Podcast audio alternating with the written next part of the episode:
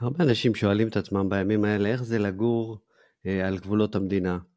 לגור בקיבוצים שממש משרטטים את אה, מפת גבולות המדינה. אפשר לגדל ילדים ככה בכלל, תחת אה, רצף טילים בלתי נפסק. השאלה היא האם הדבר הזה יהיה אפשרי בעתיד. דיגיטלי בעמק, עם עופר גולן.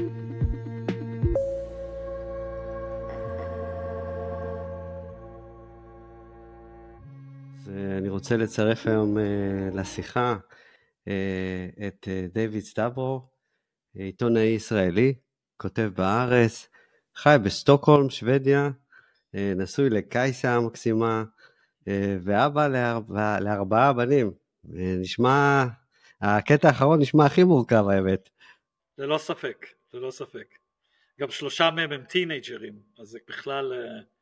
אתגר. אני חושב שאתה יכול, אתה אומנם עיתונאי של הארץ, אבל לדעתי אתה כבר יכול לכתוב ספר רק על, ה, רק על הקטע הזה. הייתי כותב ספר אם הם היו משאירים לי זמן לכתוב ספרים, בינתיים אני עיתונאי, כי אתה יודע, כתבות זה יותר מעכשיו לעכשיו. כן, כן, ו... ותגיד לי, איך, איך אצלכם בשוודיה עכשיו, איך אצלך בשוודיה עכשיו? כי אני, אני דווקא די קריר לי פה, אפילו הפעלתי את המזגן, מה אתה אומר? מבחינת מזג אוויר זאת התקופה הרעה, התחילה סתיו ובואכה חורף והקיץ הסקנדינבי הוא נפלא, יש ימים ארוכים ולא חם מדי וכשמתחיל הסתיו אז מתחילים הימים הרעים, פה בסטוקהולם הימים מאוד מתקצרים ונהיית בעיה של חושך, ימים שמתחילים באור עולה באיזה תשע בבוקר והשמש שוקעת בשניים בצהריים, זה לא עכשיו, שתי... זה עוד חודש, בשתיים כבר? כן כן בדצמבר וינואר זה ממש אה, מי שעובד במשרד או לומד בבית ספר אה, לא רואים את, ה, לא רואים את השמש. אה, אז עכשיו זה מתחיל ומחכים זה באסה, אה? יוצאים, יוצאים מהבית בחושך וחוזרים בחושך. נכון. תגיד, דבי, מתרגלים לזה? כי אני זוכר שאני בהולנד, היה לי מאוד קשה להתרגל לזה. לקט... לא, זה, בוא נגיד ככה, גם אלה שנולדו פה וחיים פה כל החיים שלהם, זאת אחת המורכבויות, זה אחד האתגרים של להיות אדם שחי בחלק הזה של העולם. אם אני מתרגל לזה, ודאי שלא, אתה יודע, אני מים המלח, אני רואה לפחות חלק מהחיים, כמו שאתה כן. יודע. זה מאוד אחר, ויש בחיים בשוודיה יש הרבה הרבה יתרונות, אה, מזג אוויר זה לא אחד מהם. נכון, אבל הזכרת פה נקודה מעניינת, ובעצם אה, אפשר להגיד שמשם אנחנו מכירים, אנחנו אה, היינו שכנים פעם, במקום אחר לגמרי, בצפון ים המלח, בקיבוץ, קיבוץ אלמוג, אה, וגרנו ביחד. אה, לדעתי, אה, לפחות מבחינתי, זאת אחת התקופות היותר טובות שלי בחיים. תקופה מאוד מאוד מעניינת, תקופה מאוד מאוד נעימה, עם המון חוויות, המון ורסטיליות.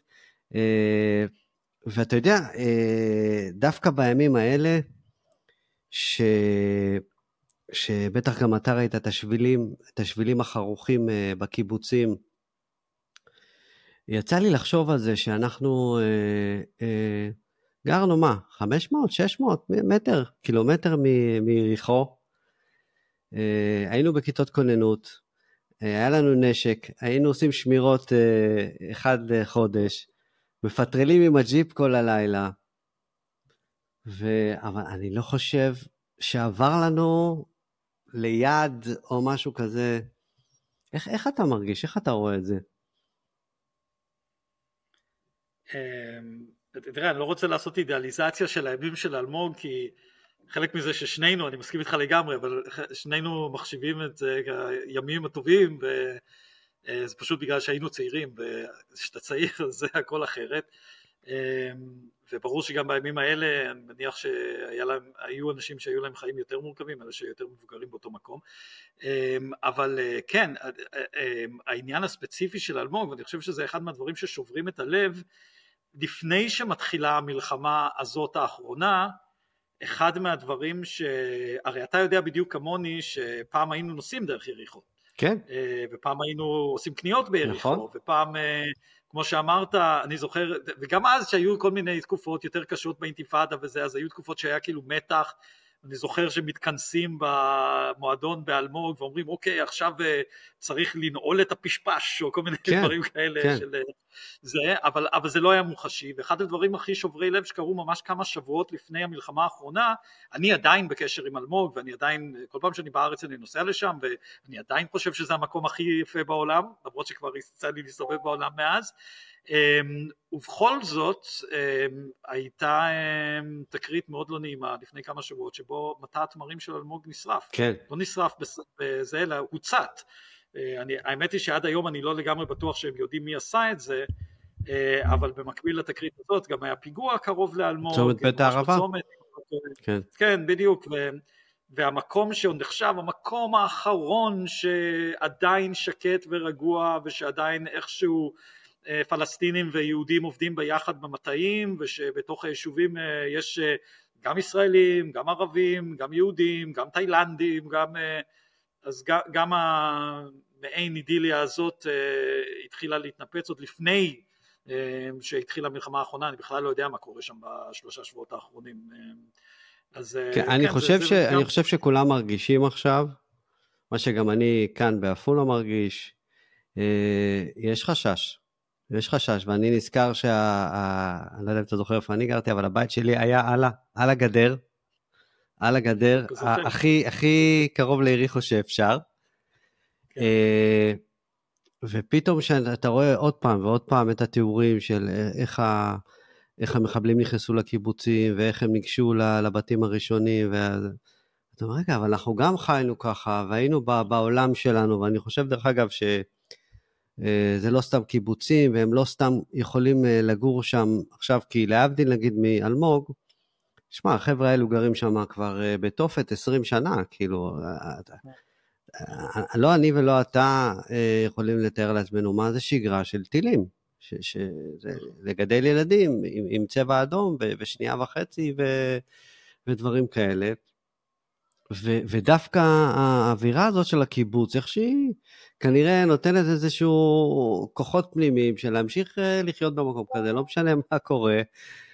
אה, אה, ועכשיו נשאלת השאלה, לאן, לאן, זה, לאן זה ימשיך מכאן? זו שאלה לדעתי שלא להרבה אנשים יש תשובה. אני, נכון, ולי בטח אין. אני יכול לשתף אותך... אני מסכים איתך לגמרי שהנוף הספציפי של שביל ובית ועץ וגן ילדים קטן וקרוון אה, כמו זה שאני חייתי בו הרבה שנים וכל הדברים האלה נראים באמת אה, מוכרים עד אה, אימה לאור מה שקרה בשבת השבעה באוקטובר. נכון. ואני רוצה לחבר אותך דווקא אה, אה, לעוד ג'וב או תפקיד שאתה עשית בעברך, אני לא יודע אם היום אתה עוד עושה את זה, אתה בעצם הוצאת משלחות, אה, משלחות נוער אה, אה, לפולין, ואתה יודע, יש, זה גם בשיח, זה גם, זה גם היה בשיח בשבועות האחרונים, השיח הזה של אה, אה, זה שואה, זה, זה סוג של שואה, הנה אנחנו שוב אה, כצאן לטבח וכל הדברים האלה. אה, ואני רוצה לשאול אותך, כי גם אתה, עוד פעם, אתה הסתובבת עם בני נוער ואתה גם הדרכת, תמיד הייתה, עלתה השאלה אם אלה שהיו בשואה, אלה שעברו אה, אה, את התהליך הזה, את תהליך ההשמדה על רקע זה שהם יהודים, הם בכלל הבינו שהם בתוך התהליך הזה. ו- ואם בכלל אפשר להשוות, אם, אם לדעתך ההשוואה היא בכלל אה, רלוונטית או נכונה. תראה, אני, אני מבין, אה, יש, אה, קודם כל אני צריך להגיד, אני, אני ריכזתי את המסעות של הנוער עובד והלומד לפולין, ואני בכמה שנים, שנתיים, שלוש, משהו כזה, ואני הדרכתי במסגרת חברת המעורר כמה פעמים בפולין, יש אנשים שעשו את זה הרבה יותר פעמים ממני, אני עשיתי את זה כמה וכמה פעמים, ואני לא עושה את זה כבר הרבה שנים, אז צריך להגיד את זה קודם כל לגבי העובדות. מצד שני, התקופה הזאת של ההיסטוריה וה... זה לא השתנה. עולם תוכן הזה אני מאוד מתעניין בו תמיד ואני פשוט עוסק בו בדרכים אחרות, אני, בעבודה שלי כעיתונאי למשל הרבה מאוד פעמים התעסקתי בסיפורים היסטוריים שקשורים uh, uh, לתקופה הזאת. פה אני, בתשובה לשאלה שלך אני יכול להגיד uh, שני דברים, אחד אני חושב שאני מבין בדיוק למה המחשבות שלנו נודדות לתקופה הזאת, שרואים את התמונות הנוראיות מגוש קטיף, משדרות, מאופקים, מהמקומות האחרים, אה, בטח שנתקלים בין אם זה בעדויות או בתמונות או בסרטונים שאני מנסה להימנע מהם אבל בכל זאת אה, פה ושם זה דולף, אה, ברור לגמרי מאיפה מגיעות ההשוואות, מצד שני אני חושב גם שצריך להיזהר מההשוואות האלה לא רק על העניין המובן מאליו של זילות השואה ודברים כאלה שמדברים עליהם, אה, אלא זה פשוט הדוגמה הקלאסית של אותו שגריר אה, ישראל באו"ם שהגיע עם אה, טלאי צהוב, אני מניח שמכוונות טובות, אבל בעצם, ואמר נכון, נדמה לי שיושב ראש יד ושם אמר, אמ, שעם כל זה שאפשר להבין מאיפה ההשוואה מגיעה ו- ו- ולמה המחשבה שלנו, המוח שלנו נודד לשם, צריך לזכור, מדינת ישראל היא מדינה עצמאית, יש לה צבא וצבא חזק מאוד, גם אם הייתה פשלה, גם אם היה מחדל, גם אם היו כמה שעות אה, שבהם נראה שמדובר בחברה שהיא חסרת אונים, פשוט כי אנשים חיכו וחיכו וחיכו ולשווא, אה, עדיין מדובר במעצמה שעל פי מקורות זרים, יש לה גם כלי נשק אה, שהם, בוא נגיד נגיד לא, לא, לא גטו ורשה ולא אה, אושוויץ חלילה ולא שום דבר מהסוג הזה. אז אני חושב שפשוט צריך להיזהר, צריך להיזהר גם כי זה עלול להוביל למסקנות לא נכונות וגם כי זה היסטורית, אובייקטיבית, פשוט אה, אה, השוואה שהיא אינה במקומה, תמיד אפשר להשוות שני דברים אבל בטח לא בעניין הזה. הדבר השני, וזה קשור למה ששאלת, האם אנשים יודעים כמו המטאפורה הידועה הזאת של הצפרדע שמתבשלת במים שמתחממים לאט כן. ולא נזרקת לתוך אה, מים אה, שהם כבר, אה, שהם כבר חמים.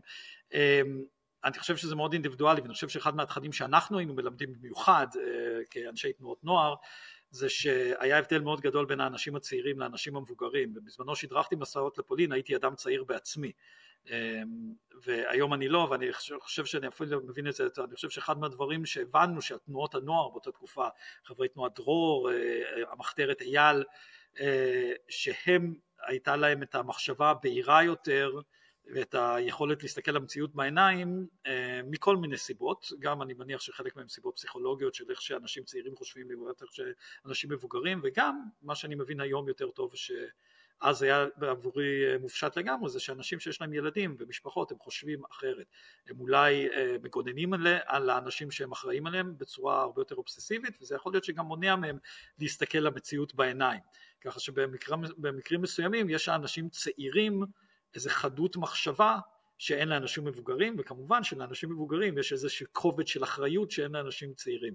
אמ, וזה כמובן סטריאוטיפ, כי יש, לא כל האנשים הם אותו דבר, לא כל הצעירים. לא, אבל אתה אומר פה משהו מעניין, והאמת שהוא קצת מפתיע אותי, כי, כי תמיד יש תחושה שאתה יודע, הדור הצעיר, הוא חושב רק uh, מתי הוא יקום מחר בבוקר, ומה יהיה איתו, ואתה יודע, מי עשה לו לייק ומי לא עשה לו לייק, אנחנו בכלל חיים בעידן שכאילו הזמן שלו הוא אחר. ואתה אומר, דווקא הדור הצעיר uh, uh, כן מבין שמשהו אחר uh, uh, קורה פה. שאלה היא באמת אם אפשר. אני חושב שמדובר על, על תקופות משבר, בתור אבא לטינג'רים אני יודע שבטח לא צריך לעשות אה, אידיאליזציה לאנשים צעירים וליכולת שלהם לשנות את העולם בכל כן. תנאי וכולי. אה, אבל במצבי משבר אני חושב שיש משהו באנשים צעירים, משהו שאגב לפעמים מנוצל בצורה צינית. זה לא, לא לחינם שאנשים אמורים אה, לקום ולהסתער מול האויב. נכון. הם בדרך כלל אנשים שהם יותר קרובים לגיל 19 מאשר לגיל 40 נכון. או 50. אמ, זה, אני חושב שגם, תראה, זה לא התחום שלי, אבל אני חושב שגם אה, חקרו בדיוק איך אה, מוח של אדם צעיר עובד לעומת מוח של אדם מבוגר. אמ, שוב, זה, יש איזה יתרונות, יש איזה חסרונות, ואני חושב שבתקופות משבר רואים את הדברים האלה אמ, בצורה יותר קיצונית. שוב, אני מדבר על משהו שאני באמת, זה לא תחום ההתמחות שלי, אבל כן. אני חושב שזה מאוד מאוד בולט שבגטו ורשה, למשל, או בקרקוב, או בווילנה, האנשים הצעירים היו אלה ש... הבינו מה קורה, שניסו להודיע מה קורה ושגם קמו נגד המרצחים. הם היו באמת כולם אנשים צעירים. ו, ואני חושב שזה גם לא מקרה שהאנשים הצעירים בהרבה מקרים הם האנשים שמתים בקרבות, הם אנשים ש... כן. שעושים את המעשים ש... אני יכול להגיד שאני חושב ש...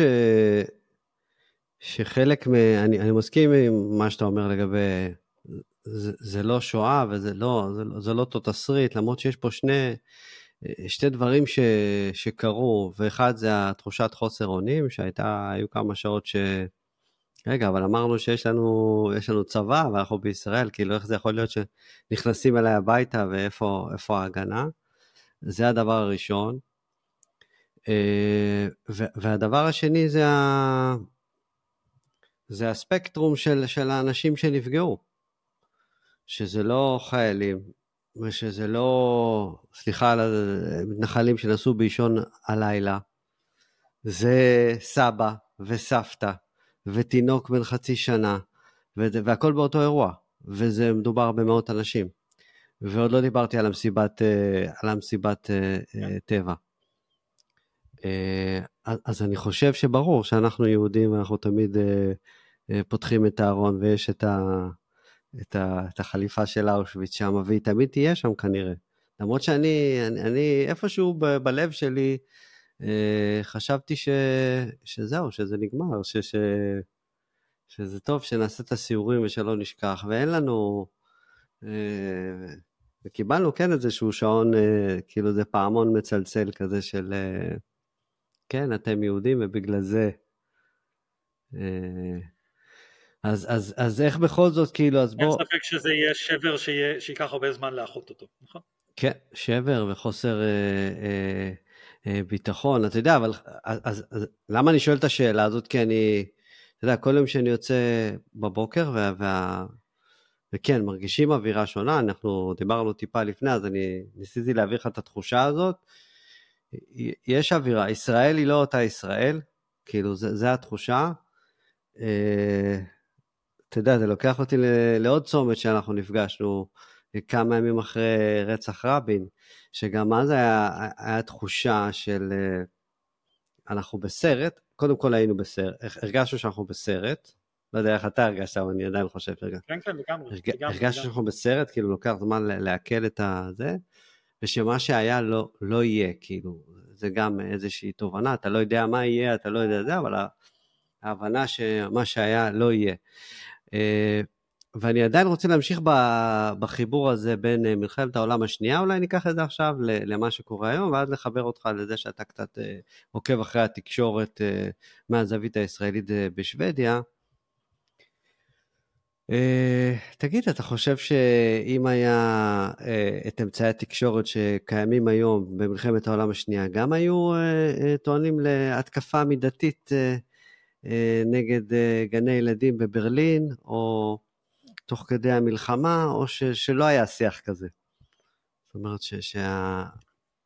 אני מרגיש את זה גם בעיקר באירופה, אני גם רואה הרבה תקשורת uh, הולנדית. הרצון להסביר את הסיפור. לאזן אותו, להסביר, אה, רגע, הם, הם נתנו ועכשיו הם מחזירים, והם מחזירים, והם נתנו, למה הם נתנו, למה הם, אה, זה כל מיני ניסיונות של אה, רציונליזציה של, ה, של הסכסוך, אה, מעיניים הערביות כמובן.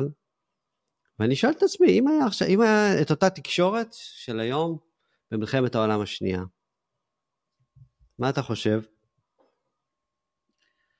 שמע, זאת שאלה מצוינת, היא שאלה ששומר, מה שנקרא שומר נפשו ירחק בגלל שהיא מאוד מאוד ספקולטיבית ואתה יודע, לך תוכיח ולך תגיד, אבל אני יכול להגיד לך שדווקא במדינה שאני חי בה, בשוודיה, אפשר ללמוד הרבה דברים מעניינים אה, על הדבר הזה, כי צריך לשאול את עצמנו מאיפה באה הנטייה הזאת של אנשים להגיד אה, אה, שישראל צריכה להגיב בצורה פרופורציונלית? ואני חושב פשוט שהיא באה מכל מיני מקומות ויש מקומות שהיא באה מהם שהיא דווקא מאוד הגיונית ויש מקומות שהיא באה מהם שהיא אבסורדית לגמרי ויש מקומות שהיא באה מהם שהיא גם צבועה ואפילו הייתי אומר מכוערת.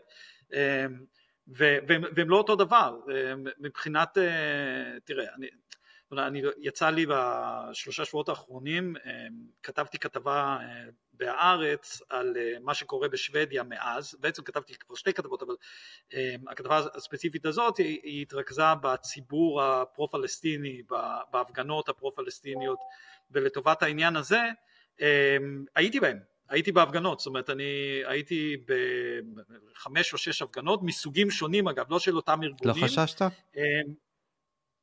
לא,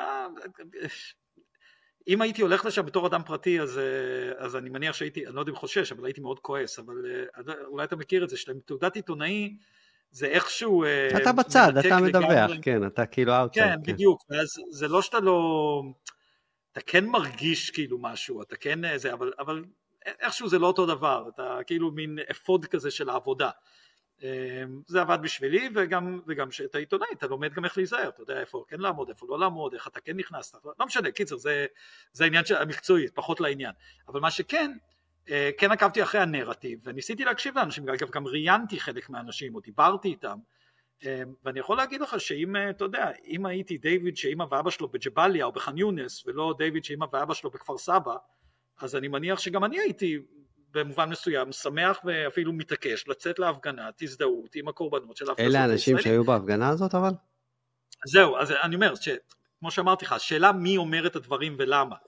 אז אם אני פלסטינאי מהפזורה הפלסטינית, כמו שאני ישראלי מהפזורה הישראלית, ויש לי משפחה או יש לי חברים או יש לי איזה עניין אישי בדבר הזה, אז זה דבר אחד, אז אתה אומר רגע רגע אני לא עשיתי כלום, למה המשפחה שלי, למה זה, ו, וזה, אתה יודע, אני לא נכנס לשיפוטים מוסריים, כן. אבל לפחות הם טבעיים, הם אנושיים, זה הגיוני. כן, הם רוצים לעשות הם... משהו, זה הגיוני, הגיוני מבחינתם, כן. כן וגם, אתה יודע, לא, האנשים האלה, אתה יודע, לפעמים גם הם מגנים את החמאס, לפעמים הם, אתה יודע, לפעמים הם עצמם הקורבנות הכי גדולים של החמאס, אז, אז, אז זה, זה סוג אחד.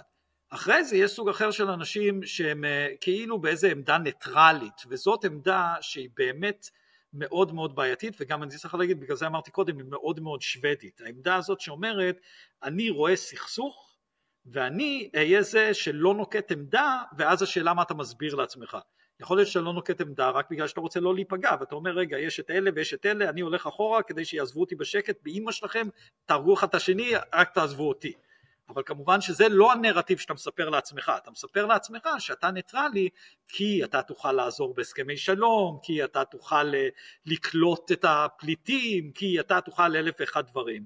אה, לפעמים זה מכוונות טובות, לפעמים זה מכוונות מרושעות, לפעמים זה מציניות ואופורטוניזם, זה, זה באמת, יש פה כל מיני ניואנסים שאתה יודע, השיחה שלנו לא, לא ארוכה מספיק בשביל להיכנס אליהם, ואני יכול להגיד לך ששוודיה בגדול, אה, מתקופת מלחמת העולם השנייה עצמה, וגם בכל מה שקרה בתולדות אה, לפחות מערב אירופה והרבה מהסכסוכים שמחוץ למערב אירופה אחרי זה, שוודיה תפסה עמדה שהיא מצד אחד מאוד מאוד נכונה, שימושית, אה, מסייעת לפתרון סכסוכים וזה, ומצד שני היא גם יכולה, אמ, ולא רק יכולה להיתפס, אלא שהיא באמת גם אמ, עקומה לגמרי מבחינה מוסרית. רוצה לומר, אם אני אה, ניטרלי במלחמת העולם השנייה, ואגב שוודיה לא באמת הייתה ניטרלית, שוודיה עזרה לגרמניה וגם עזרה לבעלות הברית וגם הצילה יהודים וגם סיכנה יהודים, היא בעצם שיחקה, באופן מעשי היא שיחקה על כל המגרש. בצורה שלפעמים הייתה מאוד טובה, כמו להציל הרבה יהודים מהרבה מדינות, אה, כולם מכירים את הסיפור של ראול ולנברג ואת הסיפור של יהודי דנמרק ש... שמצאו מקלט בשוודיה וכולי וכולי. מצד שני המלחמה כנראה הייתה יותר ארוכה ממה שהייתה חייבת להיות בגלל שגרמניה המשיכה להזרים ברזל לתעשייה הצבאית הגרמנית ואפשרה לכוחות גרמניים לעבור... שוודיה. המשיכה להזרים. שוודיה, סליחה אם אמרתי משהו אחר אז אה, כן. ו... ו... ו, ובסופו של דבר אה, הנקודה היא כאן ש, שבסופו של דבר בשורה התחתונה אם יש מלחמה בין נאצים לבין אה, בעלות הברית ואתה אומר אני ניטרלי אז כמו שאורוול אמר וכמו רבים אחרים זה אין, אין דבר כזה להיות ניטרלי כשבצד אחד יש נאצים. אמ, ו... וככה הרבה אנשים היה... מרגישים בארץ כאילו ש, שאומרים רגע מה אתם לא, לא ראיתם? תינוקות שחוטים? אתם לא ראיתם, לא ראיתם נשים נאנסות במצעד, ב rape parade, כאילו במסיבה, מה, מה עוד צריך... אני חייב להגיד לך שבעניין הזה אני נמצא בשיח עם הרבה אנשים שנמצאים בסוג אה, הזה של הכחשה או של רלטיביזציה או של כן אבל זה קרה וזה קרה לפני זה וזה קרה לפני זה וזה קרה לפני זה. אמ, ו, וכן, זה, זה טיעונים שיש כל מיני טיעונים מטיעונים שונים, שהרבה מהם הם ממש, לפחות לתפסים, הם עקומים מבחינה מוסרית. אני נמצא עכשיו בשיח מאוד מסובך עם איזה פעיל זכויות אדם, שאני אשתף איתו פעולה הרבה פעמים סביב רצח עם שקורה במקום אחר, ושהרגשתי שהוא השותף האולטימטיבי שלי, כי הוא זה, הוא מומחה כזה, והוא עזר לי בכתבות שכתבתי על איזה אזור נידח בעולם שבו התבצעו אה, מעשים נוראים ופשעים נוראים, והרגשתי שאתה יודע, אתה מפה, אני משם, אני מדת אחת ואתה מלאום אחר וכל הדברים האלה, אבל לפחות בעניין הזה אנחנו שותפים. יש דברים שאין להם הצדקה, לא משנה מה, לא הצדקה דתית, לא הצדקה דמוגרפית, לא הצדקה פוליטית, יש דברים שלא עושים נקודה. גם אם אתה הבן אדם הכי גרוע בעולם ושאתה בעצמך ביצעת פשעים, עדיין... לא, אני לא לוקח רק את הנושא של ה... ואני מכיר את האירופאים גם בקטע, את הנושא של האונס נשים. כאילו, אני לא מצליח להבין איך יש אירופאי אחד שאומר, הלו, שלא לדבר על נשים, כן? שכאילו, מה... אין, אין פה, פה זה מתחיל ונגמר, כאילו, אה, אה, למה בכלל צריך לדון על הדבר הזה? כאילו, לא, לא הבנת שזה מחוץ ל... זה מחוץ לאצטדיון, זה בכלל מחוץ למגרש של, של איזשהו טיעונים מוסריים, רל, רלטיביזציה, להבין את, ה... ככה אני, אני חושב, זאת אומרת, אני, ה, ה, אני גם לא חושב שצריך ללכת יותר מדי אה, רחוק בגלל ש... תשמע, שוודים, אירופים, זה הכל תיבות כלליות כאלה, אבל תשמע, יש כאלה שהם בורים, כן. ויש כאלה שהם, אה, שהם צבועים, ואתה יודע מה עופר, יש גם כאלה שממש מבינים סבבה, והם, אה, ואתה יודע, והם, והם בסדר, זה לא, זה לא שיש פה איזה עליהום... כן. זה בסדר. לא, אני, לא, בסדר, יש גם את אלה, כן, לא, אבל אני מתכוון, זה לא ש... המצב של ישראל הוא לא כל כך נורא אה, באירופה כמו שאולי מציגים אותו ואני אומר את זה בתור מי שכתב רק הבוקר התפרסמה כתבה שמראה עד כמה המצב בשוודיה הוא קשה מבחינות מסוימות. אוקיי. Okay. תשמע, הממשלות האירופיות הן אה, לגמרי מזדהות עם ישראל ומשתות פעולה עם ישראל וגם חלק מהציבור, זה נכון שהממשלה הרבה פעמים לא מבטאת כל מיני הלכים בציבור אבל, אבל כן לפעמים כן אמ, תגיד, ודווקא... אני לא גר בישראל, אבל אני חושב שישראל צריכה להיות הרבה הרבה הרבה הרבה יותר מוטרדת ממה שקורה בתוך המדינה מאשר מה שקורה בטח מממשלות אירופיות שגם לא כל כך משפיעות על המצב, מילא האמריקאים או הסינים, אבל אה, כן.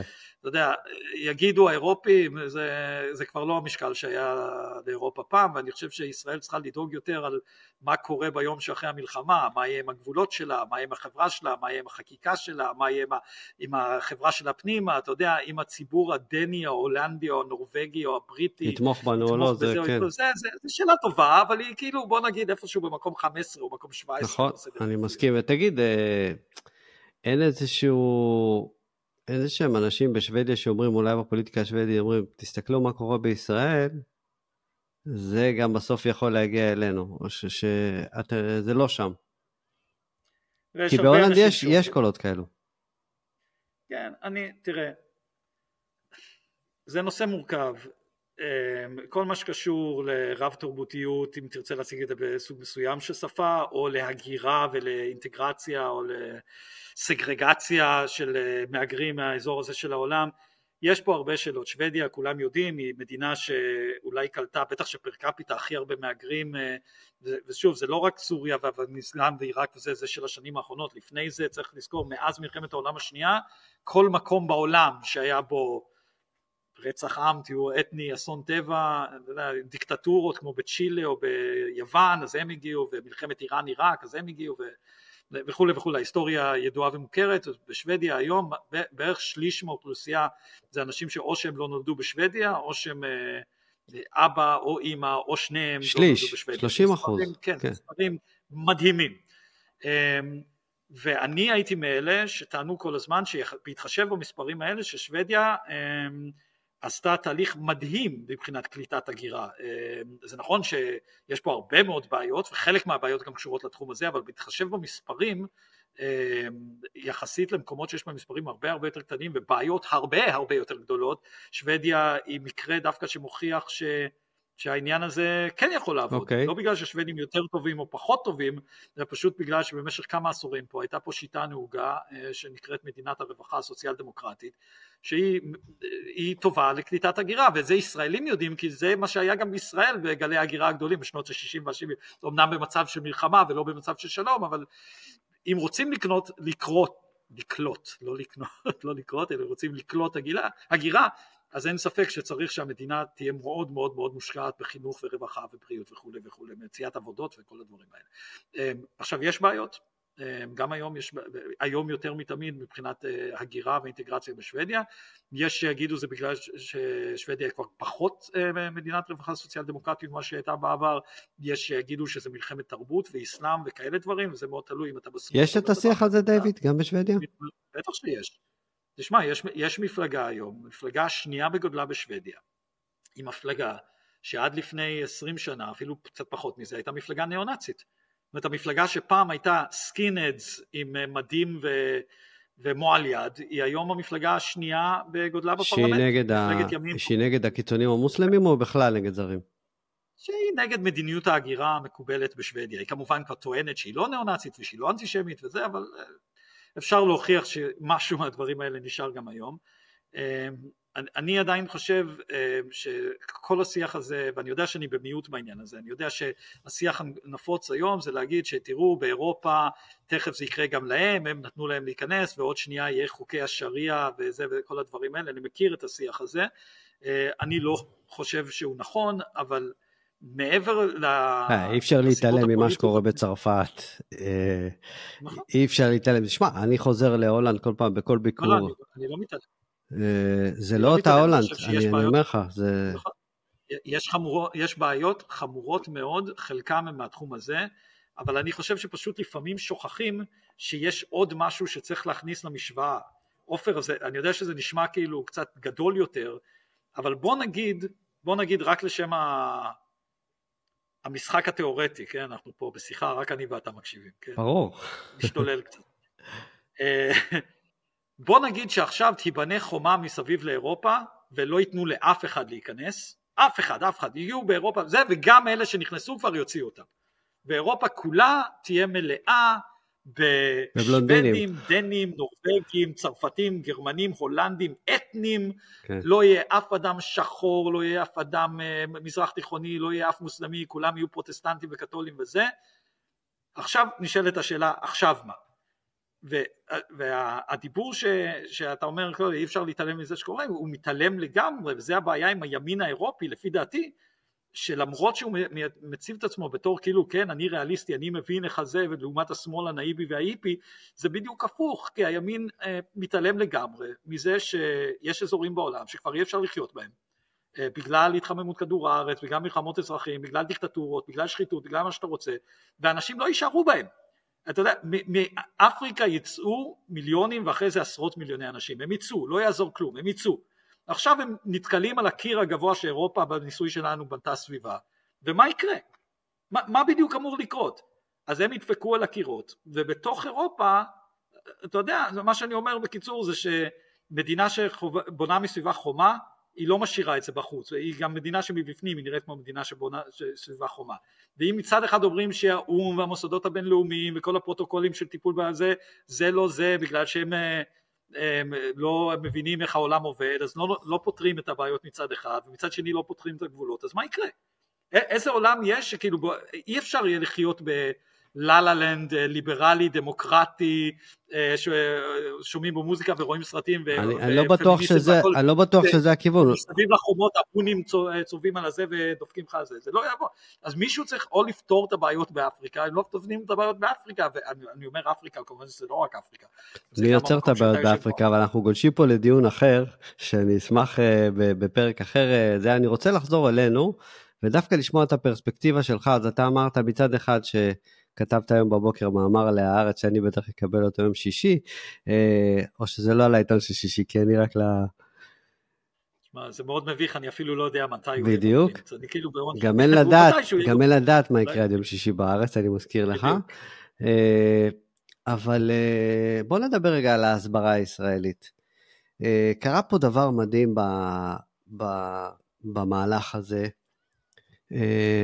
ש, שצריך להגיד את האמת, יש דברים שאנחנו טובים בהם, וזה הדור הצעיר אפרופו, מה שהתחלנו את השיחה שלנו, אה, ויש דברים שאנחנו ממש לא טובים בהם, זאת אומרת, המערכת כמערכת, כמדינה וזה, זה איזשהו פיל בחנות חרסינה, לדעתי בכלל לא בכיוון מבחינת אה, הסברה, ואתה רואה כל מיני משפיענים, לא יודע אם אתה מכיר את המילה הזאת, זו מילה מאוד טרנדית בזמן האחרון, אה, שלקחו, לא חיכו לאף אחד, אתה יודע, אני גם, אה, אני גם, אה, גם אני בעצמי עשיתי כל מיני סרטונים כאיש וידאו.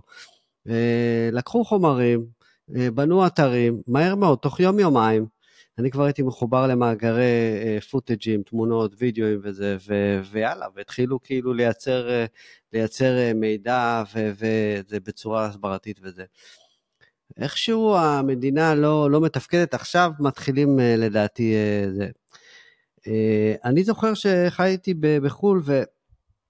והרגשתי איך אנחנו לא, לא מדברים את השפה, כאילו, איך אנחנו לא, יש, יש אצלנו עוד כמה אנשים שיודעים אה, לדבר את השפה בחו"ל, אבל בגדול אנחנו לא חלק, השאלה אם זה אנחנו, או שזה לא משנה מה נעשה, פשוט המסר לא יעבור. אתה כאיש תקשורת, שאתה כותב הפוך, כאילו, אתה כותב uh, מבחוץ פנימה, איך אתה רואה את התקשורת מפנימה החוצה? כן, טוב, זו שאלה, כי השאלה, אתה אומר אם המסר עובר או לא, והשאלה פה זה מה המסר. אמ, אני, אני בוא, בוא נגיד ככה. אני אגיד לך מה המסר, רואה... אני אגיד לך מה המסר. כן. אה, אני אקצין, בסדר? אה, בשבעי לאוקטובר היו משפחות שלוות אה, בעד השלום, אוהבות שלום, משפחות שאוכלות טילים כבר 20 שנה על הראש.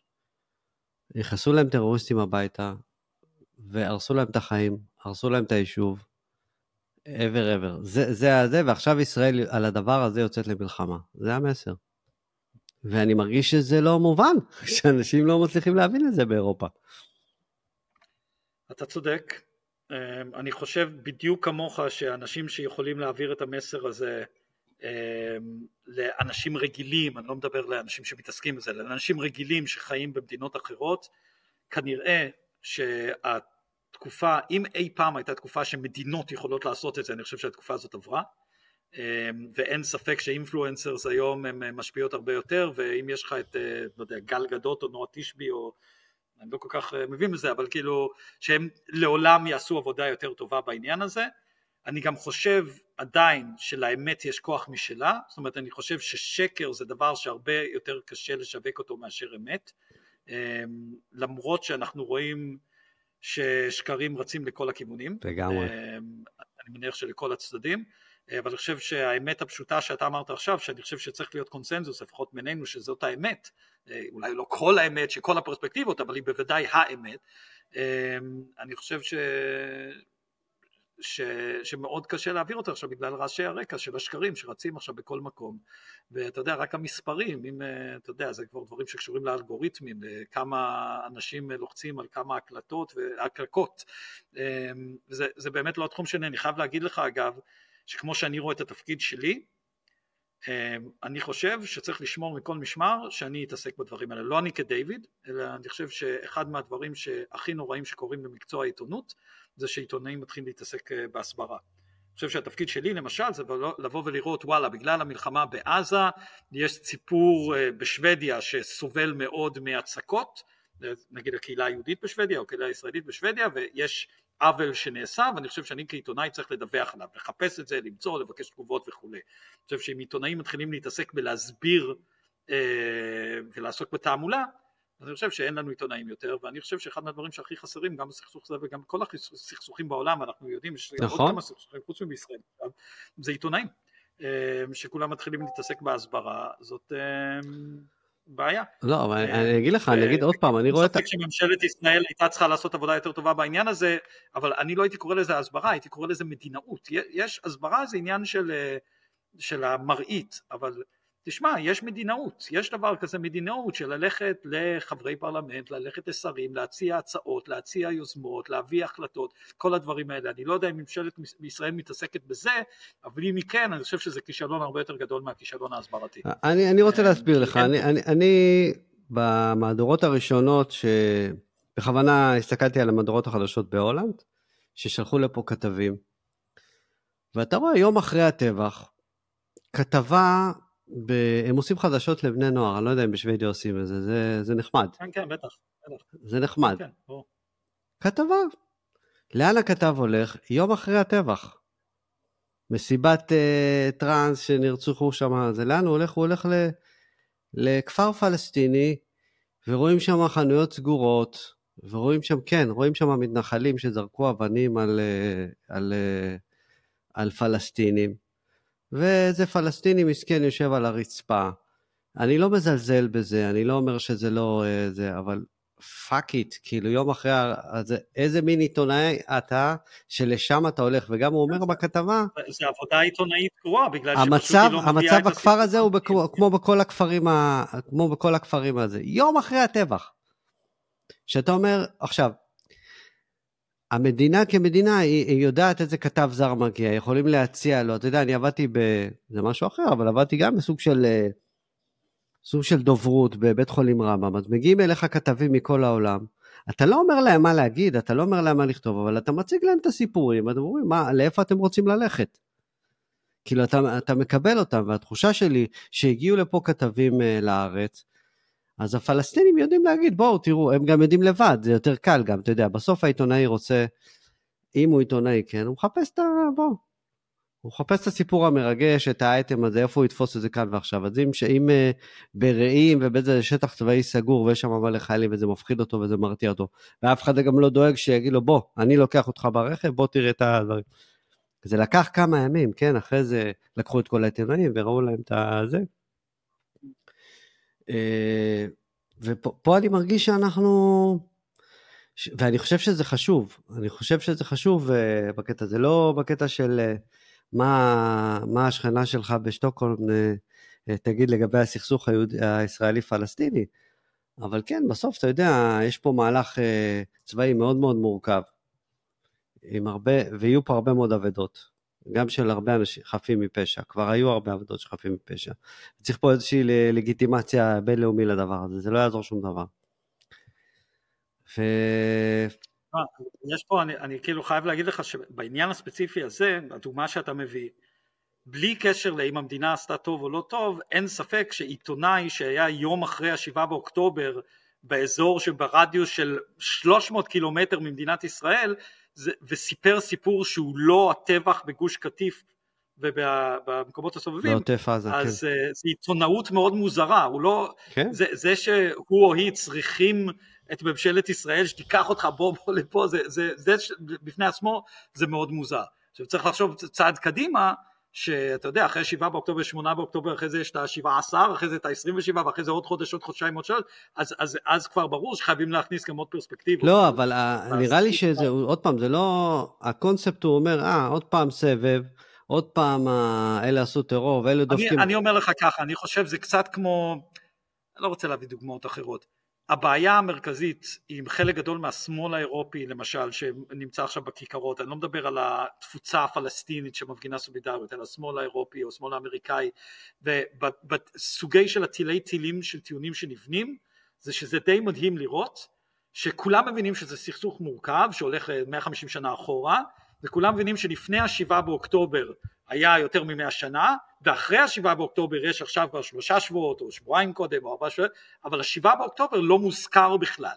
ההיעלמות של השבעה באוקטובר מהנרטיב הוא יכול אה, לבוא מכל מיני מקומות, גם כי אנשים פשוט לא יודעים להגיד עליו משהו, או גם בגלל שזה, שוב, זה ציניות גמורה להגיד זה לא מתאים לנרטיב שלי אז נעשה לזה רלטיבציה, להגיד כן בסדר, בשבעה לאוקטובר הם הרגו, בשמונה לאוקטובר הם הרגו, זה אותו דבר, ולא להבין את המקום ה... יוצא מגדר הרגיל שיש ליום הספציפי הזה בתוך כלל הסכסוך היהודי פלסטיני ובטח שבגלגול שלו בשנים האחרונות זה, זה גם להיות מושחת מבחינה מוסרית אבל זה גם להיות רע מבחינה עיתונאית זאת אומרת אני חושב שעיתונאי טוב או עיתונאי טובה צריכים להתמקד בשבעה באוקטובר גם בלי שיבוא שר או שרת הסברה או משרד יחסי ציבור וזה, ואני חושב שאנחנו רואים פה את הקריסה של עיתונאות טובה בין השאר בגלל שהפקרנו את הדבר הזה שנקרא חדשות, רשתות חברתיות. אמ, ו- וזה נכון בכל הצדדים. אתה ראית את הסיפור ב-BBC? אתה ראית את הסיפור ב-BBC? כן, ברור, ברור. שוב, ה-BBC זה גם כן קצת חיה... שה-BBC היה ההורים והתומים של החדשות, כאילו, ככה לפחות אנחנו גדלנו. כן, נכון, אבל ה-BBC תמיד הייתה שם איזה נטייה אה, שהיא פוליטית. אין בעיה עם הנטייה הפוליטית, אבל אם אתה כבר מסתבך בלהוציא ידיעות, הרי אתה יודע יותר טוב ממני איך אתה מוציא ידיעה עיתונאית, וזה לא יצא. זה לא יצא לפי נכון. הפרוטוקול ברגע של מלחמה. זה תקלה, עזוב עכשיו את העמדה שלהם, עזוב, אני מבין מה זה, הכל בסדר. אבל לדעתי צה"ל עבד פה בצורה מדהימה. אה, אתה לא יכול עם מוניטין של מקצוענות בעיתונאות, לצאת שכונה בסיטואציה כזאת. מסכים איתך לגמרי. אבל אני חושב גם צריך להתחשב בזה, תראה, שוב, אני יושב פה אז אני לא, אני האחרון שיגיד, אבל עושה רושם שבמערכות מסוימות במדינת ישראל, בשבעה ובשמונה באוקטובר, אולי גם בתשעה ועשרה, הייתה קריסה. אמ, קריסה הכי פשוט שבעולם, פשוט אנשים לא היו ליד הטלפון או לא ענו לטלפון כן. או שהיו כל כך מבולבלים, לחוצים, אני לא יודע נכון. מה, שהמערכות לא תפקדו. אני חושב שזה שזה מערכת של יחסי ציבור והסברה ותקשורת זה בעיה, אבל זו הבעיה הכי פחות חמורה. אמ, ו- ואני שוב, אני אומר, אני חושב שהסברה זה דבר שלא עיתונאים צריכים להתעסק בו, להפך, עיתונאים צריכים להתעסק נגד הסברה, עיתונאים צריכים לחתור רק לחיפוש האמת ולספר את הסיפור הגדול, את הסיפור האמיתי, בין אם הם ישראלים או פלסטינים או שוודים או אמריקאים או בריטים. אמ, ואני חושב שאחד מהדברים הטראגיים שקורים, גם בסכסוך הזה וגם אגב באוקראינה, ובכל המקומות האחרים, שפשוט אה, אין לנו אנשים אמינים שיספרו לנו את הסיפור, ולכן הדעות שלנו הופכות להיות יותר ויותר אה, קוקיות כאלה, ו- ו- ואין הסכמה על עובדות, וזאת בעיה חמורה מאוד, אבל אני יודע שלא לא על זה אתה שואל, אבל... כן, כן, אה, ואני גם חושב שאף אחד לא מדבר על זה, ודווקא עכשיו ברשתות זה מתחיל אה, לרוץ, כי בוא, יש הרבה מאוד שאלות להרבה מאוד אנשים בארץ על מה שקרה פה. אה, וגם מתחילים לדבר על זה, ופה אנחנו נסיים, כי נשאיר בטח אולי למפגש הבא בינינו, אם יהיה, זה שיש פה סיפור הרבה יותר גדול. מה שקרה פה. יש פה סיפור הרבה יותר גדול, ו- ואם תסתכל ימינה או שמאלה לשכנה שלך מאחד הצדדים שם בשוודיה, אז, אה, אז כולנו מבינים שמשהו גדול אה, אה, מתרחש פה. ואולי גם זה קשור לסיקור העיתונאי באופן מסוים. אני לא יודע. איך, איך אנחנו נסכם את זה באופן אופטימי, את השיחה שלנו? ונחזור לימים העליזים של אה, קיבוץ אלמוג. אני עיתונאי בהארץ, אתה אשכרה רוצה ממני סיכון אופטימי? תשמע, אני יודע מאיפה באת, זה בסדר. נכון, למרות שגם נכון, אז לא היית מהאופטימיים. לא, תשמע, עזוב, אני גם פרילנסר בסוף, אני יכול, אה, אם אני רוצה. כן. אה, תשמע, זה לא ימים שאני אופטימי מאוד, כי אני, זה גם התפקיד שלי, זה לכתוב על הדברים המדאיגים, וזה לכתוב על, ה, על הדברים שצריך להיזהר מהם. אמ, אני חושב שבפרספקטיבה ישראלית, אמ, אני יודע, זה מאוד מאוד קשה לחשוב על זה עכשיו, אה, אבל צריך לזכור גם איפה היינו, הייתם, בשישה באוקטובר, אמ, לפני שהדבר הנורא הזה נחת, ו, ומישהו איפשהו, אני לא יודע אם זה ברמה של הממשלה או של הציבור וזה, צריך להתחיל לחשוב על האנד. אמ, יש עכשיו מלחמה וצריך אה, לנהל אותה כמו שצריך ואני מקווה שלהימנע מכמה שיותר אבדות כי חיי אדם זה דבר כן. שלעולם לא חוזר אז זה הכי חשוב אמ, אבל אה, אחרי זה, זה, זה הסיפור הגדול הוא, הוא מה קורה אחרי המלחמה כן. אמ, ובוא נגיד שגם לפניה המצב לא היה הכי אה, ברור והכי קל לא יודע. תגיד, הבנים שלך שואלים אותך שאלות או שהם teenager וזה שום דבר לא מעניין אותם חוץ לא, מה... לא, לא, הבנים שלי בזה לגמרי. כן? הבנים שלי, כן, כן. מה הם שואלים? מה הם שואלים למשל? תראה, הדבר הראשון שהם שואלים זה על הבני דודים שלהם. אתה יודע, יש לי אה, שתי אחיות שגרות בישראל, יש לי הורים שגרים בישראל, אה, יש, אתה יודע, הם גם חיו בישראל, אנחנו, אנחנו מאלה שכן אה, היינו כן. תקופות ארוכות גם פה וגם שם. אז אתה יודע, קודם כל זה ברמה של, אתה יודע, האם מפגיזים את ההוא והאם יורים בהאי, זה ממש ברמה הזאת. אמ, והרמה השנייה זה שמכיוון שהם כבר מספיק גדולים בשביל שהם יבינו קצת פוליטיקה, והילדים שלי מתעניינים בפוליטיקה, אני לא יודע מאיפה זה בא להם, אבל זה בא להם. מעניין. אמ, אז הם, אה, אתה יודע, הם כועסים ומאוכזבים. ובית. ספר, יש, יש דיונים, מציקים להם או לא, או שזה... להם לא, אבל אני, אני קצת ב, גם קצת בלב שבור בגלל שאני אוסף עדויות של אנשים אחרים בשביל, שוב, בגלל שאני כותב אז אני עובד בזה ואני יודע על הרבה מקרים של ילדים אה, שהם אפילו לא ישראלים, סתם ילדים מאיזה רקע יהודי כזה מאוד, אה, אתה יודע, לא תגיד איזה חרדים עם איזה, אלא אנשים שאתה יודע, אמא יהודייה, אבא יהודי או משהו כזה, ומקרים של הצקות ושל אה, חרמות ושל דברים כאלה, זה אני לא חושב שזה מייצג, ויכול להיות שזה מקרים בודדים, אבל גם, אתה יודע, כשמדובר בילדים, גם מקרה בודד שובר כן, את הלב, כן. בעיה. כן. אבל לשמחתי זה לא נגע בילדים שלי, אבל uh, אף פעם אי אפשר להיות לגמרי בטוח. כן. אתה יודע. טוב, אה, וואו, היה כיף. היה כיף, אני מקווה שאתה נהנית, אני עוד מנסה לדמיין כאילו את, את שאר הפריים אצלך ב... ב... איפה אתה נמצא בעצם? חדר העיתונות הזרה של משרד החוץ השוודי. יפה, בבקשה, הסתדרת. כן. אה, אה, זהו, אנחנו... טוב, בוא נעשה את זה שוב מתישהו, אה, אני אשמח. בכיף. אז אני, אני אסגור כרגע את ה... זה, אז תודה רבה לך. דיוויד, אני חושב שנתת לנו כמה זוויות מעניינות וכמה חומרי מחשבה. אה, ואנחנו נמשיך לדבר, וגם אפשר אה, להמשיך לקרוא את הכתבות שלך כמובן אה, בארץ, אתה תמיד נותן את הפרספקטיבה, את הספוטלייט מכיוון אחר, וזה תמיד מעניין. בימים כתיקונם אתה תמיד נותן משוב מרענן תמיד משוודיה. עכשיו אנחנו לא, ב... לא כתיקונם. לא בתיקונם, אבל נקווה מאוד ש... שנחזור לזה. אז תודה רבה לך. תודה לך עופר. אוקיי, כיביתי